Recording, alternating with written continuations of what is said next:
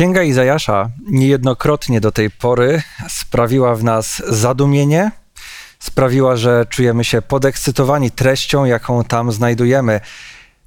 Owym pocieszeniem, pewnymi też trudnymi przesłaniami.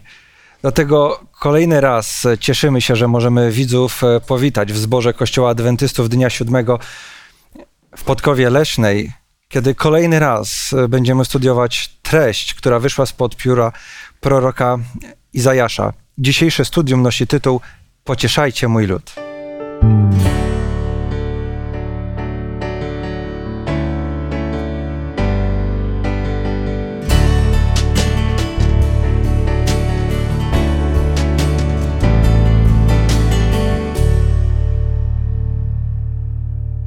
W dzisiejszym studium Słowa Bożego udział biorą Piotr, również Piotr i Władysław, a ja mam na imię Daniel. Jak zwykle, przed studium Słowa Bożego warto westchnąć do Pana o to, aby udzielił nam swojej mądrości i błogosławieństwa. Dlatego wraz z Piotrem pomódlmy się.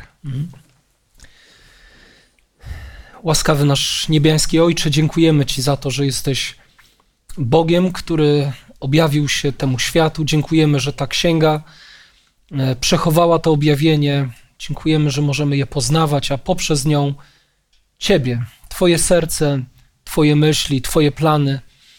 Dziękujemy, że to poznanie napełnia nas bojaźnią, ale napełnia nas też niezwykłą radością i wdzięcznością. Pozwól nam zrozumieć te treści, które będziemy czytać, omawiać właśnie w tym gronie, w dniu dzisiejszym. A nade wszystko daj, by one miały wpływ na nasze życie i postrzeganie Ciebie oraz też to, jak traktujemy innych. W imieniu Jezusa składamy właśnie taką prośbę i dziękujemy, że nas słyszysz, Panie. Amen. Amen. Amen. Pocieszajcie mój lud. Taki sam temat dzisiejszego studium, jak i całego sezonu. No, sprawia, że jest to niecodzienna sytuacja e, przy programie, który nagrywamy.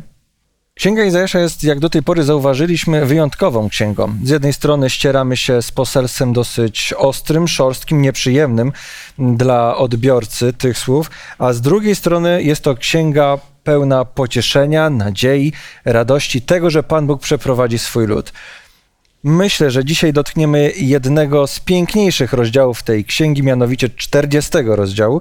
Dlatego chciałbym, żebyśmy już teraz na e, początku przeszli do pierwszych dwóch wersetów e, tego rozdziału Księgi Zajasza i zadajmy sobie pytanie, co te słowa, które tam znajdziemy, oznaczały dla tych, którzy usłyszeli je w czasach e, samego proroka Izajasza. Bardzo proszę, pierwsze dwa wersety 40 rozdziału. Pocieszajcie, pocieszajcie mój lud, mówi wasz Bóg.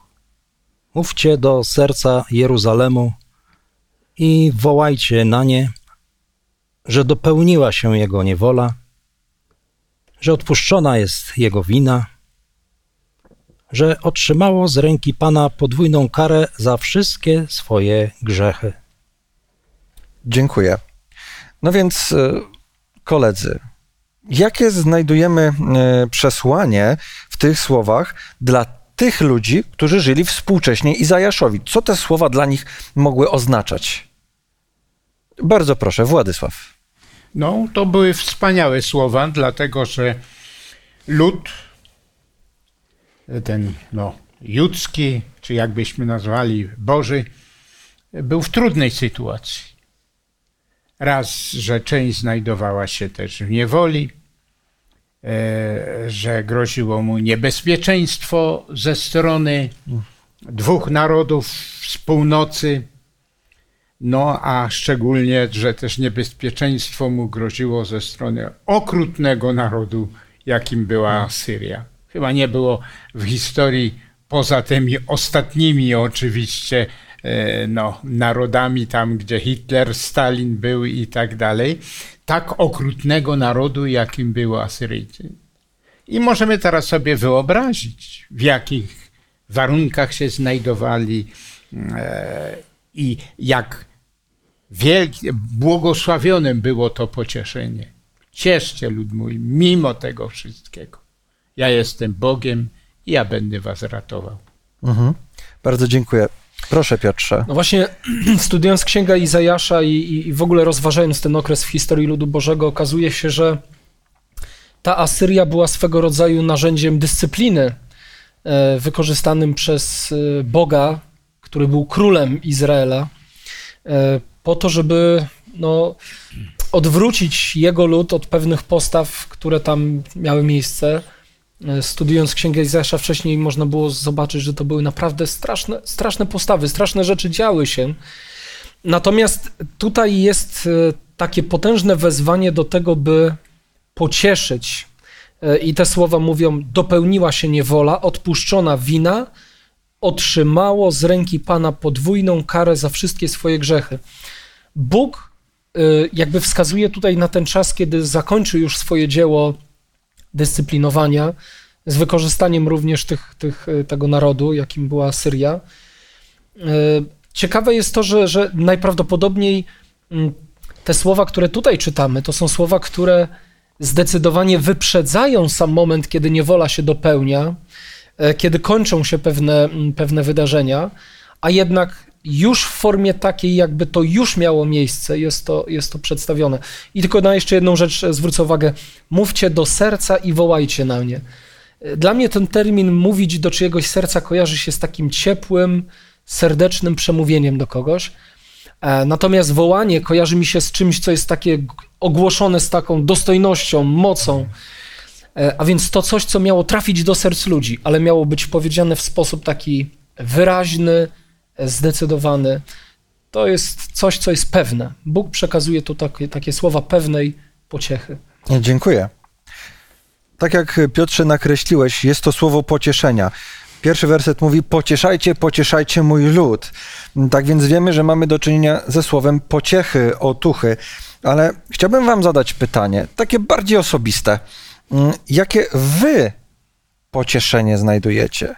Bo pocieszenie jakieś tutaj jest w tych słowach, ale jakie pocieszenie znajdujecie Wy w tych dwóch pierwszych wersetach mm, 40 rozdziału, które przeczytaliśmy? Co Was dotyka? Jaka e, pociecha, otucha się pojawia, taka osobista dla Was? No, żyjemy w niebezpiecznym czasie e, pandemii, czy jeszcze wielu innych niebezpieczeństw jako lud Boży, gdy czytamy szczególnie te e, i księgę Izajasza, i te księgi eschatologiczne, no tam e, obraz jest, nie jest pocieszający ze strony, ze strony mm, świata i tak dalej, ale równocześnie wspaniałe pocieszenie Bóg daje i te, w tej księdze Izajasza, jak również daje też w innych księgach, e, że mimo tych niebezpiecznych, e, straszliwych oczywiście ataków na lud Boży, no, lud Boży może czuć się pocieszony, bo ma wielkiego, jak będziemy to studiować też i później, wielkiego Boga miłosiernego, Stwórcy i tak dalej. Dziękuję uprzejmie, Władysławie. A Piotrze, Y, Myślałem o tym w takim znaczeniu, że jako ludzie potrafimy skomplikować sobie życie na własne życzenie z powodu własnych wyborów. Tutaj mamy do czynienia z niewolą całego narodu, winą, z grzechem, ale to może być wina indywidualnej jednostki, tak jak dzisiaj, prawda? I pytanie, czy jakieś pocieszenie jest dla nas, bo mm, rozumiem to też tak, że to nie sam Bóg musi mnie karać, tylko mój wybór powoduje to, że ja ściągam na siebie konsekwencje pewnych dziwnych y, wyborów, postanowień, decyzji, które, o których Bóg mówi, że są złe, ale ja jednak uważam, że jest inaczej i później cierpię. Tu jest nawet mowa o podwójnej karze, co y, by spowodowało to, że e, można sobie tak zaplątać życie, tak je skomplikować, że, że kara, i to nie Bóg nas skaże, tylko jak mówię, te konsekwencje na różnych płaszczyznach z różnej strony mogą stać się naszym udziałem. I teraz pytanie, i co dalej? I to już jest koniec, nie ma nadziei? Nie. Jestem przekonany, że jak tu jest mowa, że pocieszajcie mój lud, to na pewno nie tylko z, e, lud z czasów Izajasza, ale lud na przestrzeni wieków, również w obecnej dobie. Czuję się Bożym dzieckiem i wiem, że nie zawsze chodzę tymi drogami, co powinienem. Popełniam błędy, zbieram ich konsekwencje, a więc mam tę, tę nadzieję, że na końcu tej drogi gdzieś stoi Bóg z wyciągniętymi dłońmi i czeka jak na tego syna marnotrawnego. Dziękuję uprzejmie. Są to słowa pocieszenia mm, od Pana i są one wyjątkowe. Są one dla wielu ludzi jak balsam na zranione serca, na zranione dusze. Ale chciałbym też, żebyśmy przeszli e, dalej, poruszyli kolejne mm, wersety tego rozdziału, który dzisiaj omawiamy. Więc drugi fragment, który będziemy czytać, to są wersety od trzeciego mm, aż po piąty. Bardzo proszę, przeczytajmy. Głos się odzywa. Przygotujcie na pustyni drogę pańską. Wyprostujcie na stepie ścieżkę dla Boga naszego. Każda dolina niech będzie podniesiona, a każda góra i pagórek obniżone. Co nierówne, niech będzie wyrównane, a strome zbocza niech się staną doliną. I objawi się chwała pańska i ujrzy to wszelkie ciało pospołu, gdyż usta Pana to powiedziały. Dziękuję. I w tym momencie chciałbym postawić e, kolejne pytanie. Czy to proroctwo już się wypełniło, o którym to czytamy? Jeśli tak, to jak? Czy też może ono się nie wypełniło? Piotr, proszę. E, przygotujcie na pustyni drogę pańską, wyprostujcie na stepie ścieżkę dla Boga naszego. W starożytności był taki zwyczaj, że nim władca dotarł do jakiegoś miejsca, niejednokrotnie wysyłano specjalną grupę ludzi, których zadaniem było przygotować drogę, ponieważ te drogi no, w różnej kondycji bywały właśnie w tamtym okresie e, czasu. Wiadomo, że były gdzieś jakieś wyrwy, które trzeba było zasypać, były może jakieś, nie wiem, coś, coś było na drodze, co przeszkadzałoby temu jakże dostojnemu e, gościowi, królowi e, e, dotrzeć tak spokojnie właśnie do, do miejsca e, przeznaczenia. Kiedy czyta się Nowy Testament y, i zanim pojawia się Jezus Chrystus, albo zanim rozpoczyna swoją publiczną służbę, e, widzimy postać y, też ważną, wiele też takich no, słów uznania dla jego służby zostało wypowiedziane przez samego Jezusa, a mam tu na myśli oczywiście Jana Chrzciciela. On jest tą postacią, która przychodzi po to, by wezwać naród izraelski do upamiętania, inaczej do zmiany myślenia, e, dlatego że już za chwilę na scenę dziejową ma wejść właśnie Jezus Chrystus. E, Pytanie tylko, czy serca, umysły ludzi są gotowe, czy, czy ten, że Jezus nie napotka przeszkód, tak jak ten król na tej drodze. Jan jest po to, by, by jak najbardziej pomóc narodowi izraelskiemu w przyszłości, odległej o ładnych kilka wieków od tego momentu, e, e, przyjąć, przyjąć właśnie Pana Jezusa. Rozumiem zatem, Piotrze, że sugerujesz nam, że to proroctwo wypełniło się w historii Jana Chrzciciela i Pana Jezusa. I nie tylko ja tak sugeruję, Mhm. tak sugerują przede wszystkim autorzy Nowego Testamentu, pisarze, e, autorzy Ewangelii. Dokładnie tak. Tutaj sam Łukasz w trzecim rozdziale swojej Ewangelii na to wskazuje, czy też em, sam Jan w pierwszym rozdziale z kolei swojej Ewangelii. A ja chciałbym zadać jeszcze jedno pytanie. Rozumiemy zatem, że Jan Chrzciciel, m, zgodnie z tym, co czytamy w Ewangeliach, był tym, który przygotował drogę e, dla Pana Jezusa. To on właśnie był tym, który głosił o nawróceniu się, oddaniu grzechów Panu Bogu. Nie wchodźmy na razie w ten temat, ale chciałbym, żebyśmy zastanowili się nad tym, czy w związku z tym, że jako chrześcijanie czekamy na powtórne przyjście Pana Jezusa, to czy znowu należy przygotować dla tego Pana drogę, czy też nie? E, Piotrze, bardzo proszę. Myślałem o kolejnych pokoleniach, które są po Janie Chrzcicielu. E, Jan Chrzciciel wskazał pewien kierunek, przygotował drogę dla Jezusa na tamten czas, ale my w, na bieżąco żyjąc, również spotykamy się z Ewangelią, spotykamy się z e, taką postacią jak Pan Jezus i każdy z nas stoi przed wyborem przyjąć czy odrzucić. zaakceptować, czy wybrać inną drogę, swoją własną. E, najciekawsze jest to, że gdy patrzymy na Zbawiciela, patrzymy na doskonałą postać, to okazuje się, że jest wiele zakrętów w naszym życiu, które należałoby wyprostować. Pojawiają się jak nie doliny, to góry i miejsca, które utrudniają przemieszczanie, a więc najciekawsze też jest to, że w księdze Izajasza czytamy, że to sam Bóg pomaga nam przygotować tą drogę w formie wyrównać ją.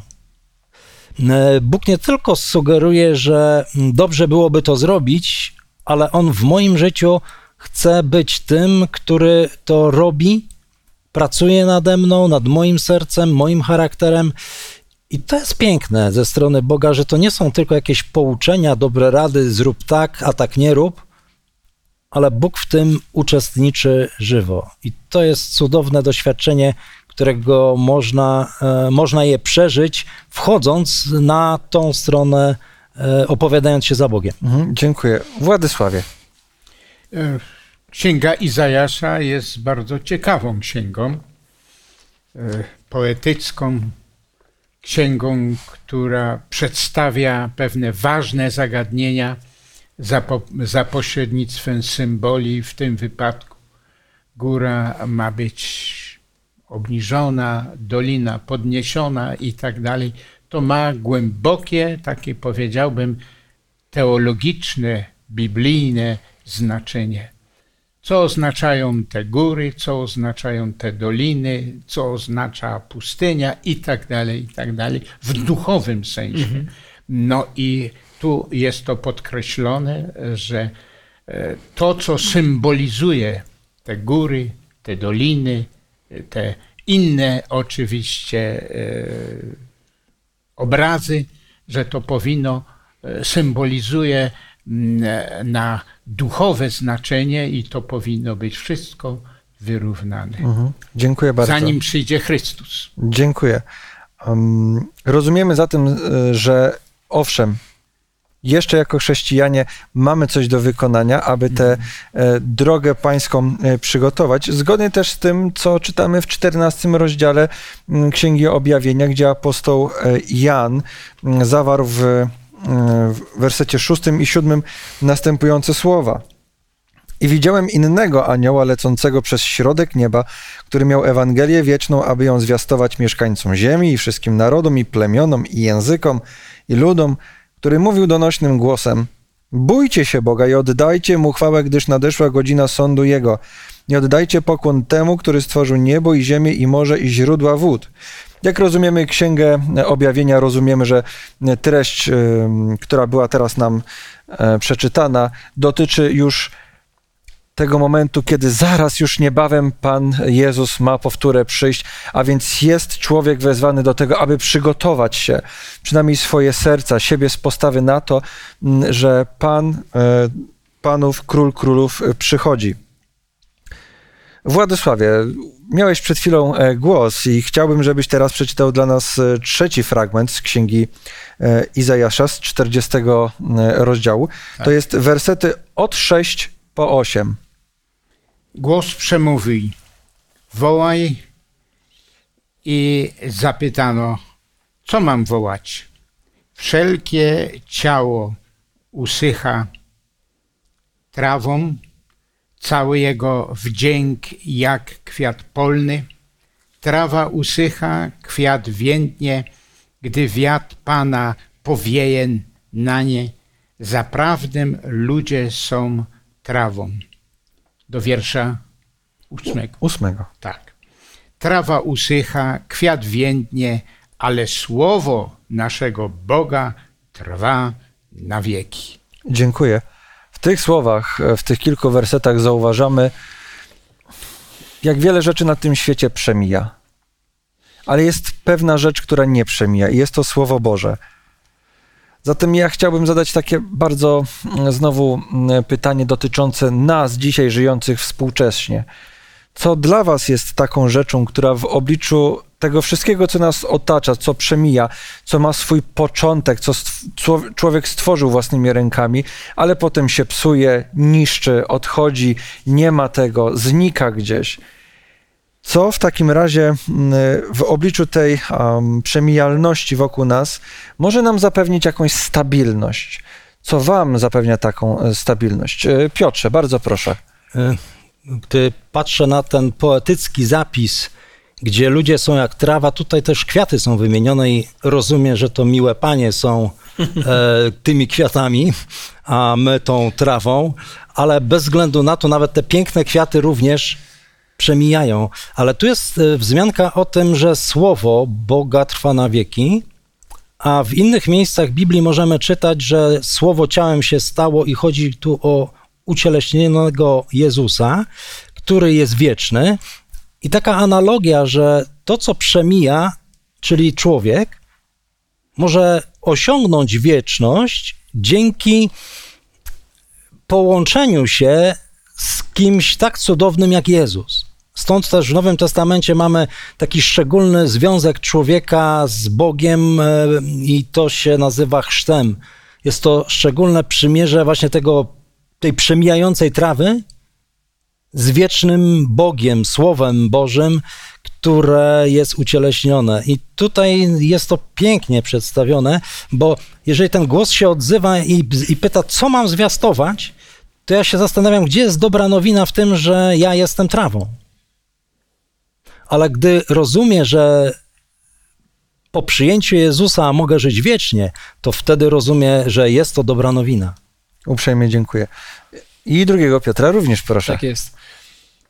Właśnie w pierwszym liście Jana e, możemy przeczytać, że kto ma syna, ma żywot.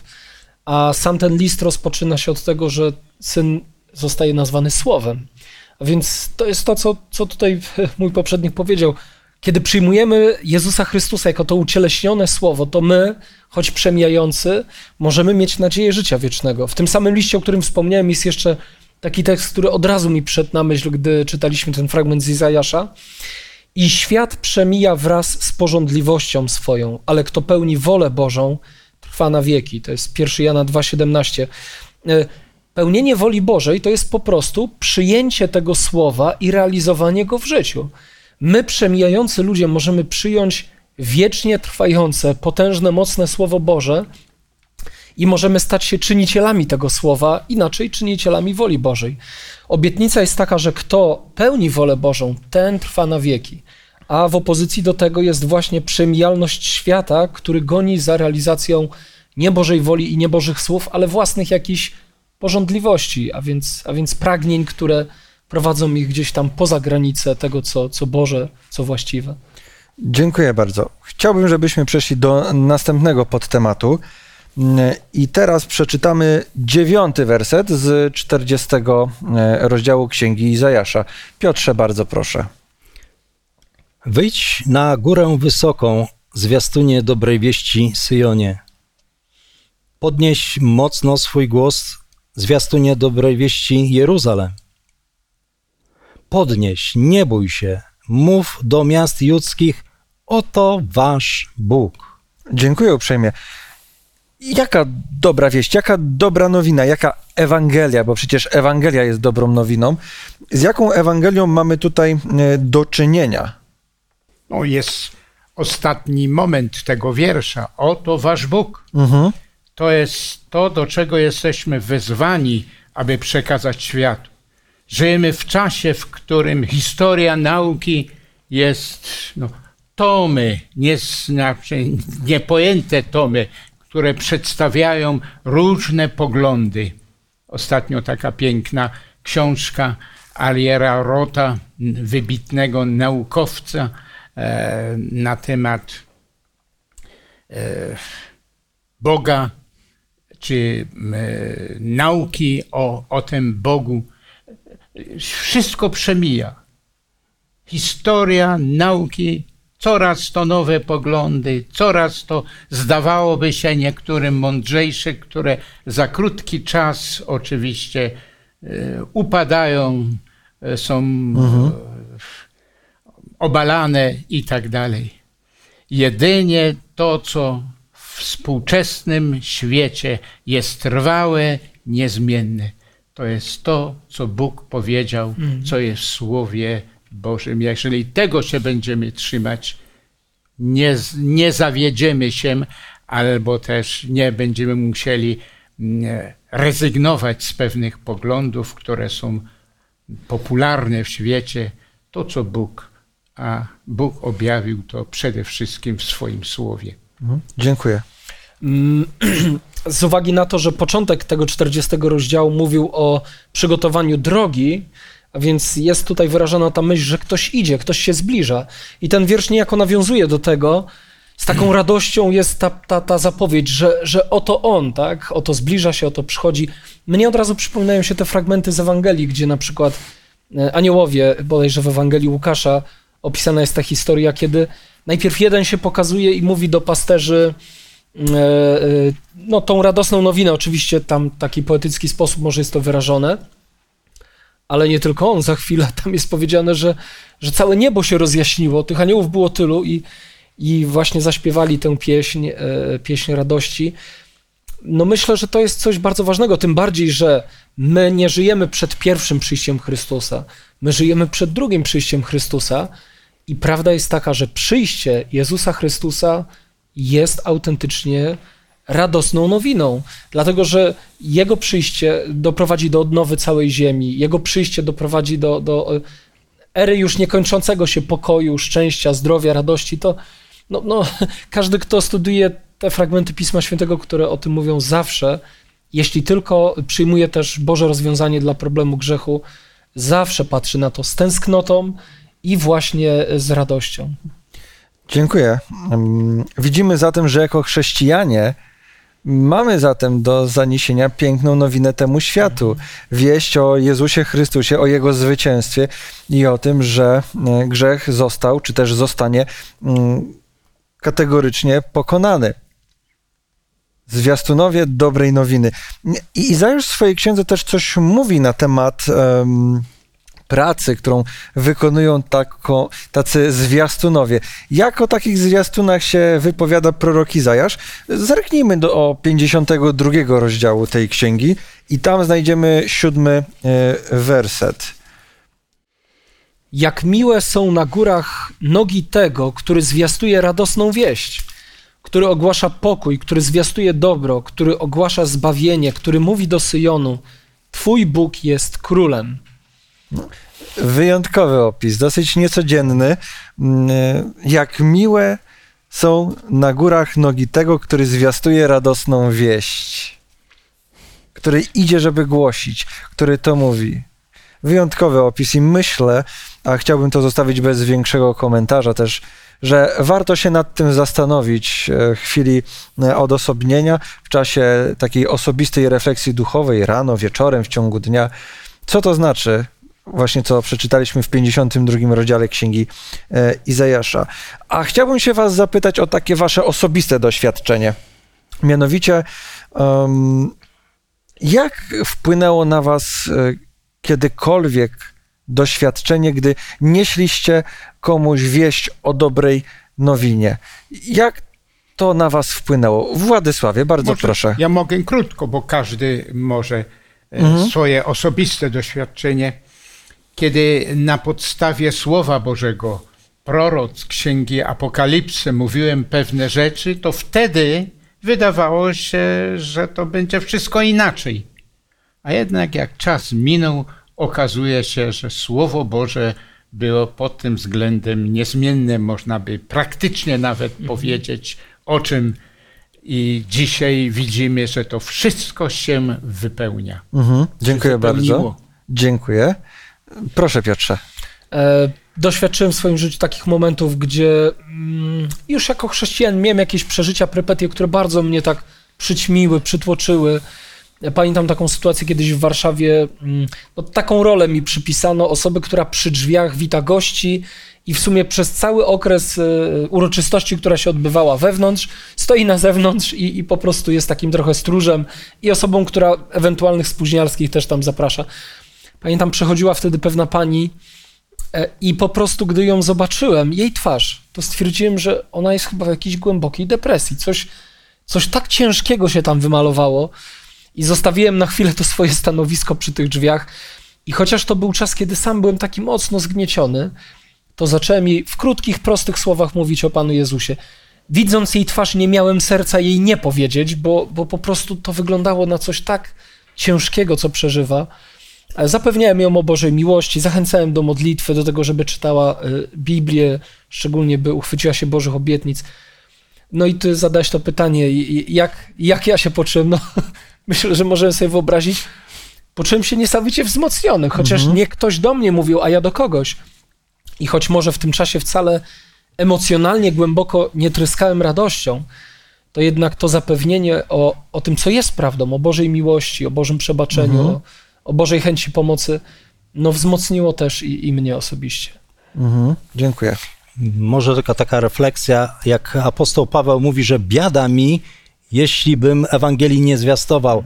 E, dlaczego? Bo gdy się głosi Ewangelię, to się cieszy ten, co ją głosi i ten, który ją przyjmuje, więc to jest taka radość wzmocniona, taka podwójna i to jest właśnie piękne, że ja ciągle sobie zastanawiam się nad tym, komu ta Ewangelia jest bardziej potrzebna.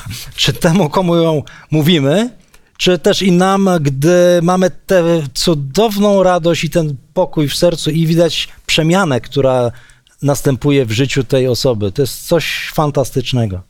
Dziękuję. Niewątpliwie dobra nowina, którą jako chrześcijanie mamy zanieść światu, z jednej strony pozytywnie wpływa na życie innych ludzi, ale przede wszystkim też i na nasze, kiedy my się dzielimy tym, tą treścią. Chciałbym, żebyśmy przeszli teraz y, dalej. Danielu, ja przeproszę cię na chwilę, ale tylko jedną rzecz powiem. E, do naszego domu rodzinnego ktoś przyniósł kiedyś Pismo Święte. Ja znam tą osobę do dzisiaj i ja o niej myślę bardzo ciepło i z wielkim szacunkiem. I tak sobie myślę, bo tu było powiedziane, że jak miłe są nogi tego, tak, kto niesie radosną winę. Może nie jego nogi są miłe, ale jak miła mi jest ta osoba, która przyniosła nam mhm. to słowo życia. To tak chciałem mhm. dodać w tym momencie. Dziękuję ci i za to, że podzieliłeś się również i tą historią. Y, chodźmy dalej.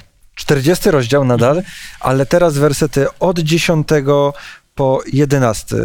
Piotrze, skoro nam podzieliłeś się z nami tą e, historią, to przeczytaj te dwa mhm. wersety, 10 i 11. Oto wszechmocny, Jahwe, przychodzi w mocy, jego ramię włada. Oto ci, których sobie z, e, zarobił, są z nimi. Są z nimi. A ci, których wypracował, są przed nim. Jak pasterz będzie pasł swoją trzodę, do swojego naręcza zbierze jagnięta i na swoim łonie będzie je nosił, a kotne będzie prowadził ostrożnie. Dziękuję bardzo.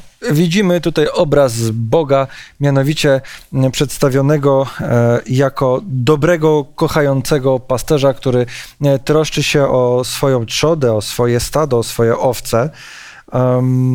A dlaczego w takim razie to jest dla nas dobra nowina? Taki obraz. Jak myślicie? Takie pytanie na rozgrzewkę teraz daję. Mm, proszę, Piotrze. Ja tu widzę takie dwa słowa, że Jezus jest tym, który sobie zarobił i sobie wypracował. E, to jest e, no, coś naprawdę pięknego, jak, jak pasterz, który troszczy się wychowuje nas od jakiejś młodości, prowadzi bezpiecznie do samego końca. Jest to obraz e, właśnie, trudno być niepocieszonym, gdy takie opisy się czyta, a my wiemy, że w takich stadach, jaki, jakim jest e, ludzka materia, są te owce i białe, i te trochę czarne, te, te które odeszły. Jezus ich sobie zarobił, e, wypracował. On życie oddał, żeby ta owca mogła powrócić. Zostawia się 99, a po tą jedną się idzie. To jest niesamowite doświadczenie, gdy to mnie znajduje Jezus i ja mogę do tego stada wrócić. Ja się czuję jednym z tych, który jest jak niezarobiony, to wypracowany przez swojego pasterza. Mhm. Piękne opisy. Dziękuję. Chciałem, żeby to był, e, było pytanie na rozgrzewkę, ale widzę, że pociągnąłeś temat dalej. E, bardzo dobrze. E, Władysławie, co jeszcze dodasz? Ja dodam to, że ja byłem pasterzem. O, Proszę. W dzieciństwie Nawet jak byłem na studiach, to między innymi były, było szkolenie, że można było udać się w Bieszczady jako, jako pasterz. Ja akurat nie skorzystałem z tego, ale nie udało się, dlatego że ja w domu miałem e, i owce, i inne. I wiem, co to znaczy e, troszczyć się o te, tak jak tu jest napisane, o jagnięta, o, o kotne, które trzeba wolniej prowadzić i, i tak dalej. Ja to osobiście doświadczyłem i praktykowałem w swoim, w swoim życiu i dlatego rozumiem oczywiście te słowa. Rozumiem, że Bóg bardzo często przyrównuje się do pasterza, troskliwego pasterza, który prowadzi oczywiście owce. I dlatego są to piękne słowa, które tutaj są zawarte i wielce pocieszające, że takiego Boga mamy jako dobrego, troskliwego pasterza owiec. Owiec, owce to szczególnie oczywiście potrzebują. Mhm, dziękuję. Powiedziałeś, Władysławie, że Bóg e, w Biblii jest e, często określany właśnie jako pasterz. Czy możemy przytoczyć jakieś biblijne opisy, gdzie Bóg jest kolejny raz przyrównany do e, pasterza? E, Piotrze, bardzo proszę. Bezwzględnie myślę, że wielu z nas e, kojarzy Psalm 23. Dokładnie jest tak. powiedziane O, o Bogu jako pasterzu. Nawet ostatnio byłem w miejscu, gdzie młody chłopiec, kilkuletni tam, może 6-7, recytował cały ten psalm z pamięci. Mm, Ale chcę też dodać jeszcze jedną rzecz. Kiedy zaczęliśmy czytać ten rozdział, to od razu to, co tak mocno nasunęło mi się na myśl, jaki czuły Bóg jest przedstawiony w księdze Izajasza. Y, Bo, bo lud ma bardzo trudny, tam jest wiele zła, posługuje się Asyrią jako narzędziem dyscypliny. To są ciężkie sprawy, ale jeśli dostrzec prawdę o nim, gdyby nie te ciężkie sprawy w ludzkości, to nigdy nie widzielibyśmy go w tak przykrych działaniach, a wszędzie przebija ta myśl właśnie o, o chęci pocieszenia, zapewnienia. To jest takie bardzo delikatne, bo człowiek jak trochę życia przeżyje, to zauważa, jak ważne jest to, żeby wypowiadać spokojnie słowa, ciepło, tak do serca. I taki Bóg jest ukazany właśnie tutaj w księdze Izajasza. Niesamowity Bóg. dziękuję bardzo. Nawet sam Pan Jezus powiedział o sobie, że ja jestem dobry pasterz i znam swoje owce i życie swoje kładę za swoje owce. Tak więc rzeczywiście obraz pasterza, Pana Boga jako pasterza jest obrazem powtarzanym co jakiś czas w Piśmie Świętym. Chciałem przejść do ostatniego podtematu na dzisiaj, abyśmy pomówili o Panu Bogu jako naszym Stwórcy i tym, który nas podtrzymuje, tym, który nas zaopatruje we wszystko, co jest nam niezbędne. Dlatego chciałbym, żebyśmy teraz pewien e, fragment 40 rozdziału e, pominęli, dlatego że od 12 wersetu znajdujemy e, część rozdziału, która jest poświęcona pewnym retorycznym pytaniom.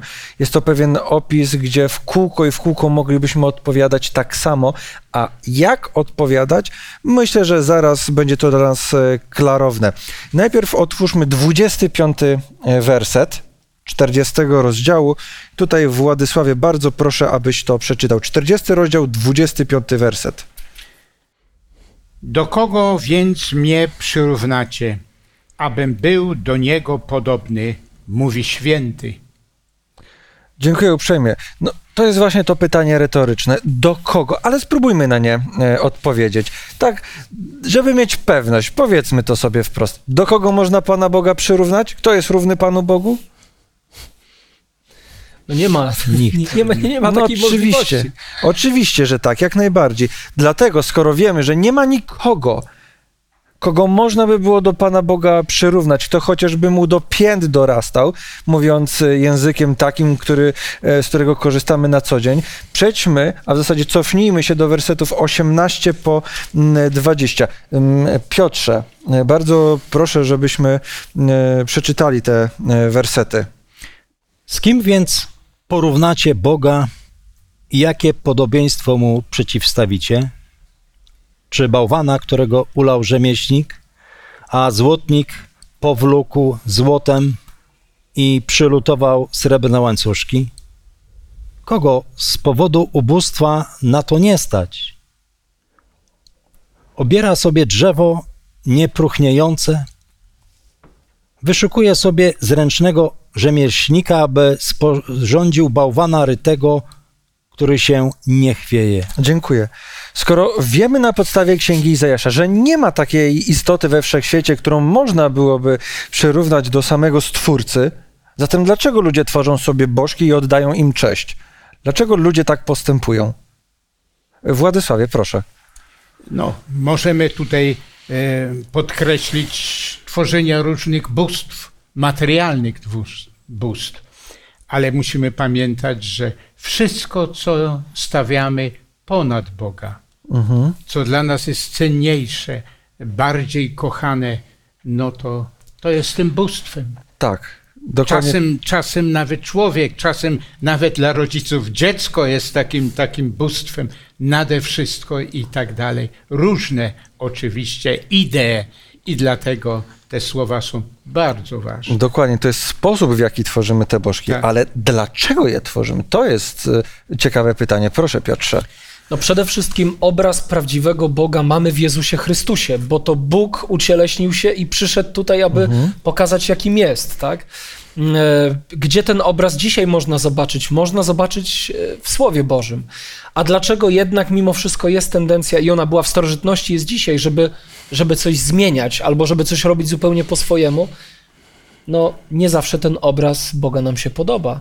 Bóg e, jest istotą zupełnie przeciwną w swoim działaniu, postępowaniu i zasadach niż szatan. E, Szatan chce nas zapewnić o tym, że ofiaruje nam szczęście na drodze, na której e, dominuje hasło rób co chcesz, na co masz ochotę, tak? Natomiast Bóg mówi, tu są moje granice, w ramach tych granic możesz żyć i funkcjonować. I co jest zdumiewające, jedna droga prowadzi do śmierci, choć wszyscy myślą, że jest fajna, druga prowadzi do życia wiecznego, choć wielu uważa, że bardzo tak błędnie, że, że to jest jakaś droga ograniczeń.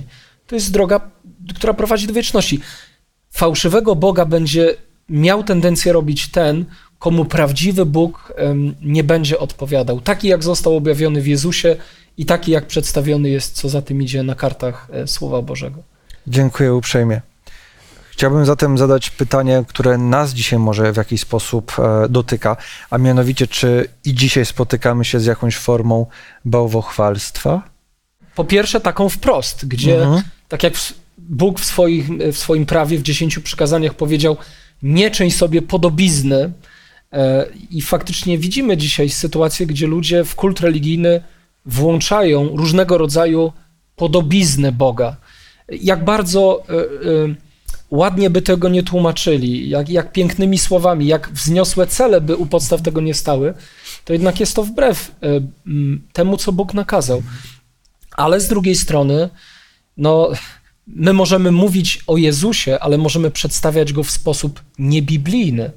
Jeśli tak robimy, to prawda jest taka, że nie rękoma i nie w formie rzeźby, ale słowami i w, wyobra- i w umysłach ludzi budujemy obraz fałszywego Boga. Mhm, dziękuję. Proszę, Piotr. Em, Myślałem o takiej jeszcze rzeczy, że są w sumie dwie teorie i pod jedną z nich się podpisujemy. Pierwsza mówi o tym, że stworzył Bóg człowieka na obraz swój, a druga teoria mówi, że stworzył człowiek Boga według swojego wyobrażenia. I stąd mamy bałwochwalstwo. E, Pod jedną z tych dwóch musimy się podpisać. Ja wiem, pod którą się ja podpisałem. Mhm. Dziękuję bardzo. Chciałbym przeczytać ostatni fragment z Księgi Izajasza na dzisiaj. Um, to, jest, to są ostatnie e, cztery wersety e, 40 rozdziału. Zadam już teraz to pytanie, kiedy będę czytać, zastanówmy się nad odpowiedzią, a mianowicie, jaką wyjątkową obietnicę znajdujemy w słowach proroka Izajasza, które e, teraz em, znajdujemy, a będą to słowa Izajasza dla tych, którzy Panu ufają. To jest 40 rozdział, wersety od 28 do końca rozdziału. Czy nie wiesz? Czy nie słyszałeś? Bogiem wiecznym jest Pan, stwórcą krańców ziemi. On się nie męczy i nie ustaje, niezgłębiona jest jego mądrość. Zmęczonemu daje siłę, a bezsilnemu moc w obfitości. Młodzieńcy ustają i mdleją, a pokolęta potykają się i upadają. Lecz ci, którzy ufają Panu, nabierają siły. Wzbijają się w górę na skrzydłach jak orły, biegną, a nie mdleją, idą, a nie ustają. Jaka wyjątkowa obietnica jest mm, przygotowana dla tych, którzy Bogu ufają? Proszę. No, obietnica wzmocnienia. E, 29 wiersz w ogóle mówi bardzo ciekawie. Zmęczony dostaje siłę, bezsilny w bezsilności zaufać Bogu znaczy przyjść do tego, który może obdarzyć niewyczerpaną mocą. I czasem niestety trzeba doświadczyć tej bezsilności, żeby zobaczyć, jak piękne doświadczenie można przeżyć z Bogiem. Dziękuję. Tu jest Władysławie? podkreślone, podkreślone, że to Bóg jest Twórcą. I dlatego, dlatego ufajmy Bogu. On nas stworzył. Między innymi sabat przypomina, że w sześciu dniach stworzył i stworzył nas. I nie tylko stworzył, ale wziął za nas pełną odpowiedzialność. I za to warto Bogu dziękować. Dziękuję również i za tę wypowiedź. Pocieszajcie, pocieszajcie mój lud. W trudnych okolicznościach lud Boży się znalazł, jak studujemy Księgę Izajasza. Ale w tym wszystkim Pan Bóg mówi, że jest pocieszenie dla Jego narodu. A ostatnie słowa, które przeczytaliśmy, mówią o tym, że ci, którzy ufają Panu Bogu, nabiorą wyjątkowej siły, której może brakować w trudnych okolicznościach, w jakich się znaleźli. My dzisiaj również możemy u Pana szukać tej siły, której nam brakuje, pomimo tych trudnych wszystkich doświadczeń, które nas dotykają, pomimo tych smutków, pomimo tych wszystkich przykrości. Tak więc jest pocieszenie dla Bożego ludu. Pocieszajcie mój lud. Drodzy, dziękuję Wam bardzo za e, Wasze wypowiedzi, za to studium i też przede wszystkim chcielibyśmy podziękować Panu Bogu za słowa, za myśli, za Jego e, przesłanie, które znajdujemy w księdze e, Izajasza. Piotrze, proszę o modlitwę na koniec. Ukochany nasz Panie i Boże, tak wiele słów powiedzieliśmy dzisiaj, a w tym wszystkim chciałbym podziękować w imieniu nas wszystkich za to, że jesteś cierpliwy, za to, że się nie poddajesz i ciągle widzisz nadzieję tam, gdzie wydawałoby się, że próżno jej szukać. Dziękuję Ci Boże za to, że pochylasz się nad całym narodem, ale również pochylasz się nad jednostką, nad indywidualnością. Dziękuję Ci, Panie, za to, że jesteś. Jesteś Bogiem cudownym i nawet jeśli dzisiaj moje zrozumienie Ciebie tego nie dostrzega, to otwórz mi, Panie, moje oczy. Pozwól, abym doświadczył tych cudownych chwil, gdzie w momencie, gdy brakuje sił, Ty dajesz tej mocy w obfitości. Pozwól, aby te doświadczenia stały się naszym udziałem, abyśmy doznali wzmocnienia i abyśmy się potrafili wzbić jak te orły, o których pisał prorok Izajasz. Niech Tobie, Boże, będzie chwała, że Ty robisz rzeczy wielkie, że Ty robisz rzeczy niemożliwe. Amen. Amen. Pocieszenie, które daje Pan Bóg, jest również dostępne dla nas wszystkich, również dla Was, drodzy widzowie. I dziękujemy Wam za to, że byliście z nami również i dzisiaj. Jednocześnie też chcemy Was zaprosić na kolejne studium Słowa Bożego już za tydzień, które e, zatytułowane jest Służyć i Zbawić. Do zobaczenia.